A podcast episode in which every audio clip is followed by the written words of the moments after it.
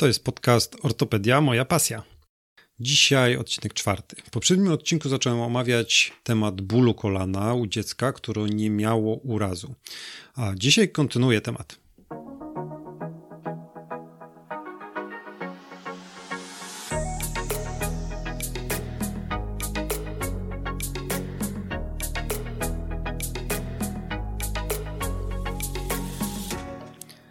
Cześć, witam Cię bardzo serdecznie w czwartym odcinku podcastu Ortopedia Moja Pasja.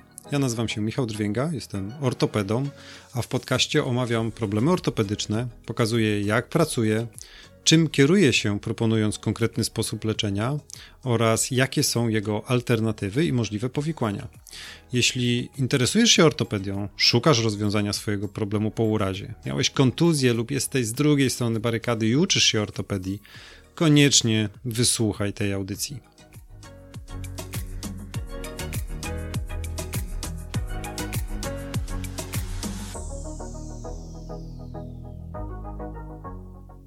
Cześć, dzień dobry.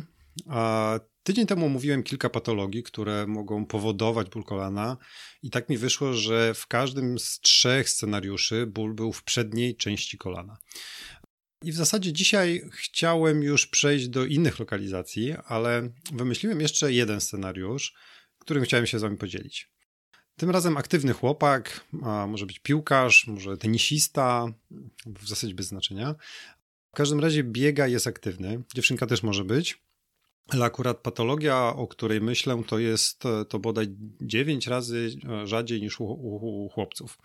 A ból dokładnie w okolicy rzepki pojawia się w trakcie intensywnej aktywności i po niej potem stopniowo maleje i w zasadzie może ustąpić, ale forma tkliwości przy ucisku zawsze pozostanie. Czasem może kolano trochę spuchnąć, w wybranych przypadkach może nawet w środku coś ocierać. Takiemu choremu wygodnie jest utrzymać kolano wyprostowane, ale to chyba dotyczy w zasadzie, tak myślę, wszystkich patologii rzepki, które omawiałem. Mm, o, już zdradziłem, tak, bo powiedziałem, że to patologia rzepki. Uciskowo znajdziemy ból konkretnie samej rzepki, czyli nad kością, generalnie trochę z boku, może być bliżej wierzchołka, częściej przy podstawie. A jak ktoś nie wie, gdzie jest wierzchołek, a gdzie podstawa rzepki, to, to może oznaczać, że nie słuchał części pierwszej o bólu kolana u dziecka, więc warto wrócić do tamtego odcinka. No i pytanie, czy masz jakiś pomysł? Co to może być? A Mój typ jest rzepka dwudzielna. Rzepka dwudzielna to rzepka składająca się jakby z dwóch części w wyniku braku zrośnięcia się poszczególnych. Tak jąder kostnienia. Wygląda to tak, że rzepka pierwotnie u dziecka zbudowana jest z chrząstki. Wraz z wiekiem pojawiają się jej od, w jej odrębie wysepki kostne, a będące jądrami kostnienia. Jest ich zazwyczaj kilka. One stopniowo zajmują coraz większą część chrzęsnej rzepki, a aż wreszcie łączą się ze sobą, tworząc rzepkę kostną. Chyba, że no, jak coś powoduje, że się one nie połączą i wtedy kosteczki zostają osobno no i mamy rzepkę dwudzielną. Ocenia się, że coś takiego dotyczy jednego, może 2% populacji i zazwyczaj nie daje objawów i jest znajdywane zupełnie przy okazji. A z tego wszystkiego z kolei jedynie literatura mówi 2% daje objawy. Wyróżniamy trzy typy, notabene podział wprowadzony jeszcze w 1921 roku przez Saupę, gdzie w pierwszym typie ten wolny fragment jest w okolicy wierzchołka rzepki, tu najrzadziej, bo tylko 5% przypadków. W typie drugim z boku to 20% i w typie trzecim najczęściej spotkana lokalizacja około 70% występowania.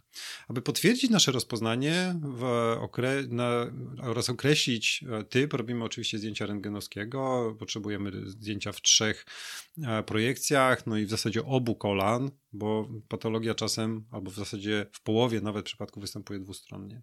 Czasem rzepka dwudzielna mylona jest ze złamaniem na zdjęciu rentgenowskim, szczególnie jak jakiś uraz był, większy bądź mniejszy, no ale jak się dobrze przyjrzeć, to e, tam widać zaokrąglenia brzegów i to widać, że to nie jest świeże złamane, nie ma takich ostrych brzegów. Można też zrobić badanie rezonansem magnetycznym, chociaż nie mam pewności, czy w pierwszym etapie będzie ono jakoś bardzo pomocne. Oczywiście zwiększy pewność tego rozpoznania i wykluczy inne możliwe patologie, więc warto zrobić, no ale naszego postępowania z rzepką dwudzielną nie zmieni, bo to postępowanie w pierwszym etapie będzie praktycznie zawsze zachowawcze. Czyli co robimy? Odpoczynek, oczywiście, zabez biegania, zakaz skoków, unikanie przysiadów, wchodzenia, schodzenia po schodach. Dorożnie można stosować leki przeciwbólowe, zimne okłady. Najlepiej, aby stworzyć warunki, aby jądra kostnienia mogły się ze sobą wzrosnąć. I w tym przypadku można by było rozważyć zasadność zastosowania takiego aparatu do stymulacji wzrostu kości, emitującego falę ultradźwiękową, zwanego egzogenem. Co prawda, stosowanie ultradźwięków u dzieci nie jest wskazane, jednak ten aparat emituje falę bardzo miejscowo i płytko, i jak się go położy bezpośrednio na rzepce, raczej nie powinien wpłynąć na chrząstkę wzrostową, chociażby na kości udowej, która tam pod spodem leży. Powiedziałem, że można rozważyć taki aparat, no bo nie jest to do tego stworzony. Głównie stosuje się go przy konieczności przyspieszenia wzrostu, zwiększenia pewności tego wzrostu, czy tam leczeniu stawów e, rzekomych. I teraz tak, jeśli po kilku miesiącach postępowania zachowawczego dolegliwości bólowe jednak mimo wszystko nawracają i to się nie zrasta. Można pomyśleć o leczeniu operacyjnym. Oczywiście wtedy to już na pewno robimy rezonans magnetyczny, jeśli nie był zrobiony do tej pory. No i czym dysponujemy? E, mm, trochę zależy od lokalizacji i wielkości tego, tego osobnego fragmentu. Jeśli jest on stosunkowo mały, najlepiej go po prostu usunąć, czy to przy użyciu techniki otwartej, czy też artroskopowej. Musimy pamiętać, że normalnie do krawędzi rzepki przyczepiają się różne ważne struktury też, a w tej najczęstszej lokalizacji rzepki dwudzielnej, czyli w części przed, e, górnobocznej, do takiego fragmentu może przyczepiać się głowa boczna mięśnia czworogłowego, więc dobrze byłoby, żeby wycinając ten fragment kostny, no nie odciąć mięśnia, bo lepiej nie będzie, jak co prawda nie będzie fragmentu kostnego, ale potem będzie ten, jakby nie będzie się trzymał mięsień. Innymi słowy, trzeba ocenić, jak mocno naruszyliśmy ciągłość przyczepu w trakcie usuwania. Jeśli on został odcięty, co może się zdarzyć, trzeba go po prostu doszyć do pozostałej części rzepki. Przy dużych objawowych fragmentach rzepki dwudzielnej wycięcie raczej no, nie wchodzi w grę i wtedy trzeba zastanowić się nad możliwością odświeżenia szczeliny łączącej obie te kości, no i w razie czego zespoleniu ich przy, jak, tak jak przy tradycyjnym złamaniu rzepki.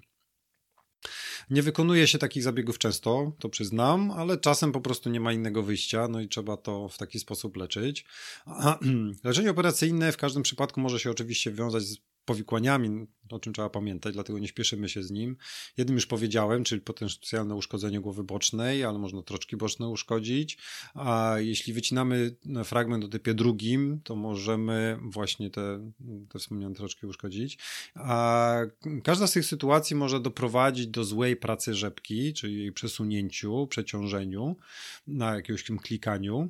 A inne powikłania, utrzymujące się wysięki, wzrosty wewnątrzstawowe, chrzęszczenia wyniku uszkodzenia chrząstki na rzepce, nie daj Boże.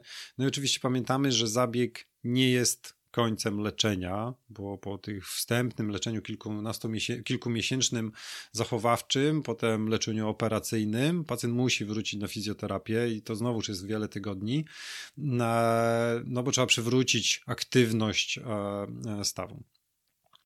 Wspomniałem w pierwszej części jeszcze o martwicy, tak? Czyli jakby tam martwicy Kochlera, bo myślę jeszcze sobie, jakie patologie mógłbym mu mówić, a, ale o tej Kochlera to już chyba nie, nie, będę, nie będę wspominał, to już tak przeskakując trochę. Myślę, że czas już tam na kolejne lokalizacje, żeby nie przedłużać. Hmm, scenariusz w kolejności chyba piąty, dzisiaj drugi. Tym razem ból będzie zlokalizowany po bokach kolana, to jest po wewnętrznej lub po zewnętrznej stronie, a te bóle będą gdzieś tam w kierunku do tyłu. Um, raczej można, będą dotyczyć jednego kolana. Ból może narastać stopniowo w trakcie aktywności, będzie odczuwany e, najbardziej po jej zakończeniu. Wraz z odpoczynkiem oczywiście usztępować, ale mm, pewnie całkiem nie. Czasem całe kolano może spuchnąć i pojawia się takie zgrubienie u góry kolana nad rzepką. A w wybranych przypadkach w trakcie zginania lub prostowania kolana może być wyczuwalne, nawet słyszalne takie przeskakiwanie wewnątrz stawu. I o czym pomyślimy przy takim wywiadzie? Nie wiecie? Czytując klasyka, wiem, że nie wiecie. A, słusznie, ja też tak naprawdę po takim opisie bym pewnie nie wiedział. Dla przypomnienia, rozważamy sytuację, gdzie nie było urazu, no więc e, mógłbym tu podać na szybko może dwa rozwiązania, czy roz, rozpoznania wstępne. Uszkodzenie łąkotki lub jej anomalia, anomalia budowy, a bądź też choroba na powierzchni stawowej, tak zwany osteochondritis dissecans, potem pewnie w skrócie będę mówił OCD, czyli po polsku wydzielająca martwica chrzęsno-kostna. I znów, martwica, a tym razem chyba faktycznie coś w tym jest, tak, w odróżnieniu od Osgood-Schlatera. Rozpoznanie może nam przybliżyć badanie kliniczne. A, tak, to zgrubienie, o którym wspomniałem, powyżej kolana u podstawy, to nic innego jak wysięg czy płyn, który w wyniku reakcji zapalnej jest produkowany w e, większej ilości w kolanie. No i tam się zbiera, tak, w zachyłku nadrzepkowym. Warto ucisnąć kolana, kolano po bokach od wewnętrznej i zewnętrznej strony, bo objawy uszkodzenia łąkotki będą właśnie tam się zlokalizować. W przypadku OCD największy ból będzie w takich zagłębieniach z przodu kolana przy jego zgięciu. Niezależnie co bardziej podejrzewamy, przy takich objawach oczywiście powinniśmy sięgnąć po badanie dodatkowe, zdjęcia rentgenowskie, znowu trzy projekcje oba kolana e, oraz badanie rezonansem magnetycznym. I tutaj wyjątków w zasadzie już nie robimy, zawsze, zawsze takie badanie wykonujemy. Uwaga, nie USG, tylko rezonans, bo USG co prawda łąkotkę tam widzi, a nawet czasem ktoś opisuje ją jako uszkodzoną, ale kwalifikacja do takiego czy innego leczenia na podstawie USG nie jest łatwa i w zasadzie można powiedzieć ryzykowna. Ja w każdym razie mam duże obiekcje proponować pacjentowi leczenie operacyjne na podstawie takiego samego USG, tak? Nie wiem do końca co tam jest. To by nie przeszło. Tak sobie myślę, na chyba razem tych dwóch patologii, czyli łąkotki i OCD, nie, nie, nie jestem w stanie omówić, więc zacznę o łąkotkach. Łąkotki w kolanie mamy dwie, przyśrodkową i boczną. Położone są pomiędzy kością udową i kością piszczelową, a mają kształt takiego rogalika, czy też półksiężyca, jak to woli, a w przekroju są trójkątne. One wypełniają niejako wolną przestrzeń pomiędzy półokrągłą kością udową, a, a w miarę płaską kością piszczelową. Ich funkcja a ich funkcja podstawowa to równomierne obłożenie obciążenia, ale również amortyzują, stabilizują staw i rozprowadzają płyn stawowy. Może wrócę do tego obciążenia, bo tak zawsze tłumaczę tym jakby swoim pacjentom, jakby na podstawie kuli bilardowej, jaka jest ich funkcja. A kula bilardowa stoi na stole i taka kula, czyli ta kość udowa, dotyka stołu punktowo, tak? czyli kości piszczelowej nasza kość, co powoduje, że obciążenia przenoszone są przez bardzo małą powierzchnię. A jeśli w tej sytuacji wokół kuli pomiędzy kulę a stół wciśniemy na przykład plastelinę, to obciążenie finalnie będzie przenoszone przez większą powierzchnię i nie będzie takie punktowe. I ta plastelina właśnie, taka powciskana tam dookoła, to jest nasza łąkotka. Łąkotka najczęściej uszkadza się w trakcie urazu, tak przyznaję, ale może również uszkodzić się bez urazu, a to nasz temat dzisiaj. A czasem wystarczy w zasadzie niefortunny obrót na nodze, czy jakby powiedzmy za szybki przysiad. Czasem w ogóle nie kojarzymy sytuacji, w której taki ból się pojawia. A mówimy też o nakładających się mikrourazach jako przyczyną uszkodzenia. Sama łąkotka może uszkodzić się na wiele sposobów i możemy, mógłbym tu wymienić e, różne języczki, rączki od wiadra, uszkodzenia przytorapkowe, mm, ale w przypadku bez urazu to są trochę inne bez urazu ona przede wszystkim się rozwarstwia, jak kanapka trochę. Widzimy wówczas w badaniu rezonansem magnetycznym taką poziomą linię, a no, w obrębie normalnie widocznego w tym w badaniu e, rezonansem czarnego trójkąta łąkotki. Ból i przeskakiwanie w obrębie kolana może też wynikać nie z samego uszkodzenia łąkotki, ale z jej anomalii budowy, tzw. Tak łąkotki tarczowacej, Mm, to taka odmiana anatomiczna budowy łąkotki, zazwyczaj bocznej, mm, kiedy zamiast ta być wspomnianym rogalikiem, ta łąkotka jest talerzykiem, czyli nie ma takiej dziurki na środku. Zamiast księżyc w kształcie rogalika, to jest księżyc w pełni. I to powoduje, że kiedy kolano jest obciążane i kość udowa naciska na kość piszczelową, to łąkotka zamiast tylko wyrównywać obciążenie, tak, być dookoła, to przenosi je całe. Czyli trochę jakbyśmy ją mierzyli, stajemy na niej. No i teraz w zależności od jej wytrzymałości albo uszkodzi się, a, znaczy w jakiś sposób pęknie, albo szybciej, albo później. I ktoś kiedyś powiedział, że każda łąkotka tarczowata uszkadza się, czy uszkodzi się, tylko nie wiadomo kiedy. A leczenie łąkotek nie jest proste, oczywiście od razu mówię, że bez, bezobjawowych łąkotek, uszkodzeń, czyli stwierdzonych w samym rezonansie, szczególnie tarczowatych, to nie leczymy. Natomiast jeśli objawy już są zdecydowane, czyli mamy ból, mamy dotkliwe przeskakiwanie, żeby nie powiedzieć blokowanie się stawu, czy tam wysięki, mm, e, no to już leczymy. Ona słabo się, taka łąkotka jest słabo naczyniona i z tego powodu słabo się goi, a, mm, a uszkodzona może dawać objawy albo nie dawać, czyli jak kamień w bucie. Raz się dobrze ułoży, nic się nie dzieje, a innym razem się zawinie, uszkadza powierzchnię chrzęstną, trochę tak jak kamień, but, e, kamień pięte. Mniejszym niebezpieczeństwem jest dla kolana uszkodzenie horyzontalne łąkotki, o którym wspominałem. Bo tu głównym problemem jest ból wynikający ze stanu zapalnego, a, no, a mechanicznej szkody taka łąkotka raczej nie powinna zrobić. Natomiast, a, no, może jak i brzeg jest wyszczępiony, to tak. Ale gorzej niestety z tymi tarczowatymi jest, bo tutaj uszkodzenie, czy istnieje realna szansa uszkodzenia chrząstki. I leczenie z wyboru w takich przypadkach jest leczenie operacyjne. Co się robi? Wykonuje się artroskopię, w czasie której uszkodzony czy wystrzępiony fragment należy usunąć, a przy tarczowatej wycinamy ten środek, robiąc znowu z talerzyka rogalik. A, czyli możemy powiedzieć, że uzyskujemy prawidłową łąkotkę de facto, bo to, co uszkodzone, to zabieramy. A usuwamy jak najmniej, a jeśli e, znajdujemy jakieś tam pęknięcie przytorebkowe, tak często w tanczorowatych może być, to należy je oczywiście zeszyć. Ogólnie taka terapia taka terapia resekcyjna trochę, czyli usuwamy, a po której mm, specjalnie do gojenia to ten staw za wiele nie ma. Tak? Musi się wyciszyć e, i, i w zasadzie może z wyjątkami kolano szybko wraca do zdrowia. Potrzebna jest kilkutygodniowa fizjoterapia, żeby uzyskać pełne zakresy ruchu kolana, wzmocnić mięśnie, wyciszyć podrażnienie w stawie. Drugą patologią w tym scenariuszu był osteochondritis dissecans, czyli OCD, polska nazwa wydzielająca martwica chrzęsnokostna. Jak sama nazwa wskazuje, dotyczy ona kości i chrząstki, zazwyczaj kości udowej. A ogólnie choroba polega na tym, że kawałek kości pokryty chrząstką odpada od reszty a, i docelowo tworzy się dziura na powierzchni stawowej, no i wolny fragment chrzęsnokostny gdzieś tam pływający w stawie, tak zwana myszka. Za powód takiego stanu rzeczy podaje się przejściowe niedokrwienie warstwy podchrzęsnej kości, w wyniku czego jej kawałek zaczyna się oddzielać. Ale nie tylko to. literatura podaje wpływ czynników hormonalnych, zaburzenia gospodarki wapniowo-fosforanowej, mikrourazy, szybki wzrost. Sama chrząstka pokrywająca taki fragment kości choruje mniej, bo jest ona w dużej mierze odżywiana bezpośrednio od płynu stawowego. Naturalna historia zaczyna się od bólu, w tym stadium możemy nic nie zobaczyć a na badaniu rentgenowskim, ale na rezonansie będzie już widoczny pewien obrzęk, czyli nieoddzielenia. A potem w miarę postępu choroby objawy będą a, cały czas podobne, a zmiana pojawia się na zdjęciach rentgenowskich. Ostatecznie, kiedy fragment będzie już taki powiedzmy ruchomy, pacjent może odczuwać w kolanie przeskakiwanie czy blokowanie.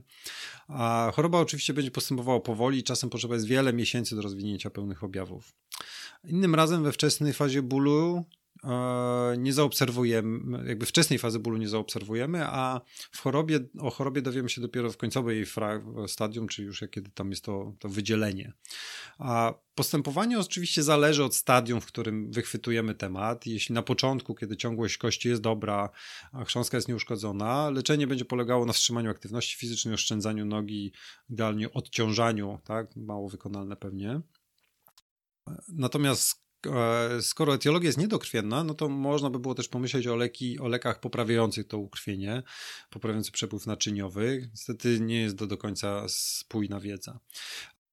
Ponieważ zmian Postęp zmian jest bardzo wolny, a same objawy kliniczne, takie mało wiarygodne, to w celu w, w takiej weryfikacji już po, po etapie gojenia powinniśmy zrobić badanie rezonansem magnetycznym po trzech miesiącach, tak żeby zobaczyć, czy jest progres, w którą stronę to idzie, czy to się pogarsza, czy się leczy. A trzy, czy może nawet sześć miesięcy, tak? Jeśli nie ma dużych problemów z pacjentem, to może nawet sześć miesięcy. A, I dopiero mając dwa porównawcze możemy, badania możemy stwierdzić, czy tam się to dobrze goi. Wraz z rozwojem choroby zaczynamy myśleć o coraz bardziej inwazyjnym postępowaniu, czyli jeśli ciągłość chrząstki jest zachowana, możemy, a już ta kość coraz gorsza, możemy wymyślić próbę nawiercenia kości, tak aby spróbować pobudzić fragment chorujący do gojenia. Nawierca się wtedy pod kontrolą artroskopu, czyli patrząc z rentgena od strony kości, czy od strony nadkłykcia, nie przechodząc tym wiertłem przez chrząstkę. Używa się odpowiednie celowniki. No i, i po pewnym momencie to się może wygoić, ale jeśli znowuż mamy inny etap, to dojdzie do wydzielenia tego fragmentu, tak? Czyli czekamy wystarczająco długo, albo nie wiedzieliśmy, i to jest etap, który ja najczęściej spotykam i w każdym razie najczęściej operuję. Może tutaj zabrzmie dziwnie, ale ja lubię ten zabieg. Tak? Lubię operację w tej stadium, bo jest to moment, kiedy mam możliwość zadziałania w odpowiednim czasie, kiedy już wiadomo, że samo nic się nie wygoi, a jednocześnie wydzielony fragment nie jest jeszcze połamany, tak? Czy on pasuje do tej swojej loży. Książka jest makroskopowo zdrowa. No i można to uratować po prostu. I robię wówczas artroskopię, czyli dwie dziurki na skórze. Dokładnie widzę tą zmianę. Mogę ją delikatnie unieść, odchylić, tak jak klapkę, a usunąć ewentualnie tą bezwartościową tkankę, tą martwiczą pod spodem nawiercam kość, czy uzyskanie wypływu szpiku i na koniec dociskam ten fragment kości i stabilizuje takimi fonialnymi pinami specjalnymi. I finalnie zazwyczaj daje to przełom w leczeniu i wreszcie zmiana się zaczyna goić, tam pojawia się ukrwienie. Najgorzej, jak pacjent trafi pod opiekę dopiero w momencie, kiedy to już jakby jest odpadnięte i rozkawałkowane, czyli ten fragment, który odpadł już jest połamany. No i wtedy oczywiście możemy również pomóc, ale musimy już coś rekonstruować, co oznacza, że to już nie będzie oryginalne, no i, no i naj, pewnie nie najlepsze. Co możemy zrobić? Możemy po oczyszczeniu takiego ubytku wypełnić e, e, kością alogeniczną lożę i pokryć specjalną błoną kolagenową w celu wytworzenia w przyszłości warstwy takiej chrzęsnopodobnej. Niestety po takich rekonstrukcjach gojenie nie jest długie, trwa kilka. No, nie jest krótkie, trwa kilka ładnych miesięcy, no, może no, też wcale się nie chce wygoić w 100%. A przy dużych ubytkach idealnym rozwiązaniem, tak sobie myślę, byłaby możliwość zastosowania świeżego przeszczepu od dawcy, takiego mrożonego, a całego bloczka chrzęsnokostnego, tak jakbyśmy przeszczepiali nerkę. No ale obecne przepisy w naszym kraju niestety nie pozwalają na uzyskanie takiego, uzyskanie zastosowania takiego świeżego przeszczepu. Chyba, że słuchasz tego nagrania już długo po jego premierze, to może te przepisy już się zmieniły, może ja już coś takiego wykonuję jakby rutynowo, codziennie, tego nie wiem. Po naprawach powierzchni chrzęsnej nie wolno na nodze stawać i koniecznie, konieczne jest zastosowanie tak zwanego ruchu ciągłego biernego do wygojenia chrząstki, a więc ćwiczeń na, ćwiczeń na maszynie CPM, rozwijając skrót Continuous Passive Motion. Takie coś jest potrzebne jak można powiedzieć, jak walcowanie świeżego asfaltu, tak? Tylko, że walec przejeżdża parę razy, a tutaj my musimy to goić bardzo długo, bo 6 tygodni codziennie, 6 razy po 45 minut. Mm, nie dość, na, nie dość tego, no oczywiście po upływie tych 6 tygodni, no to trzeba zacząć rehabilitację, a więc po wielu znowu tygodniach oszczędzania kończyna a, a, wymaga no, długiego usprawniania. W notatkach mam jeszcze jeden scenariusz objawów patologii kolana u dziecka. To już obiecuję, będzie ostatni.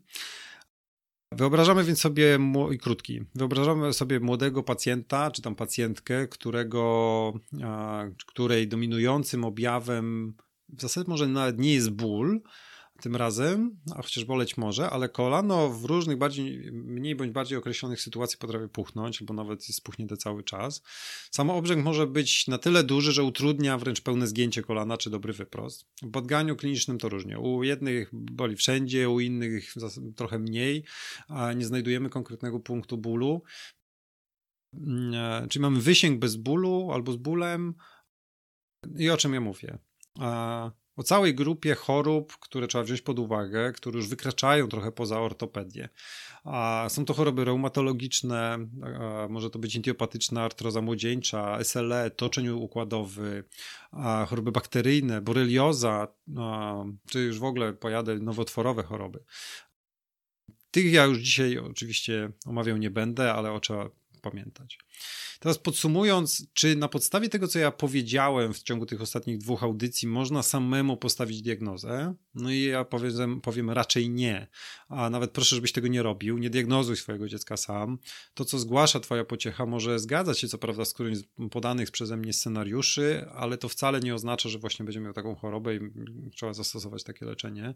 Trzeba kolano fachowo zbadać, zrobić badania dodatkowe i wtedy będzie lepiej wiadomo. A moja audycja ma raczej na celu przedstawienie, jak złożony może być problem i o czym należy pamiętać w diagnostyce, niż żebyś sam leczył dziecko. No i żeby nie lekceważyć tematu, kiedy dziecko skarży się na kolano. Na koniec wymieniam wymienię kilka punktów, objawów, które w szczególności powinny cię zaniepokoić, koniecznie wtedy trzeba zabrać pacjent, e, dziecko do lekarza. Czyli tak, kolono spuchnięte, ale równolegle ciepłe, bądź też zaczerwienione, widoczna deformacja jest stawu, twoje dziecko utyka, ma gorączkę, traci na wadze, ma jakąś, nie daj Boże, wysypkę czy, czy osłabienie. To już wtedy na pewno mówimy o lekarzu. Kończąc, oczywiście zapraszam Cię do subskrypcji tego podcastu, czy też kanału na YouTubie, jeśli mnie oglądasz. Niezmiennie uśmiecham się o komentarze. Możesz nawet zostawić jakieś pytanie medyczno-ortopedyczne, postaram się na nie odpowiedzieć. Tymczasem bardzo Ci dziękuję za wspólnie spędzony czas i życzę Ci wielu udanych, zdrowych i bezpiecznych aktywności sportowych. Do usłyszenia.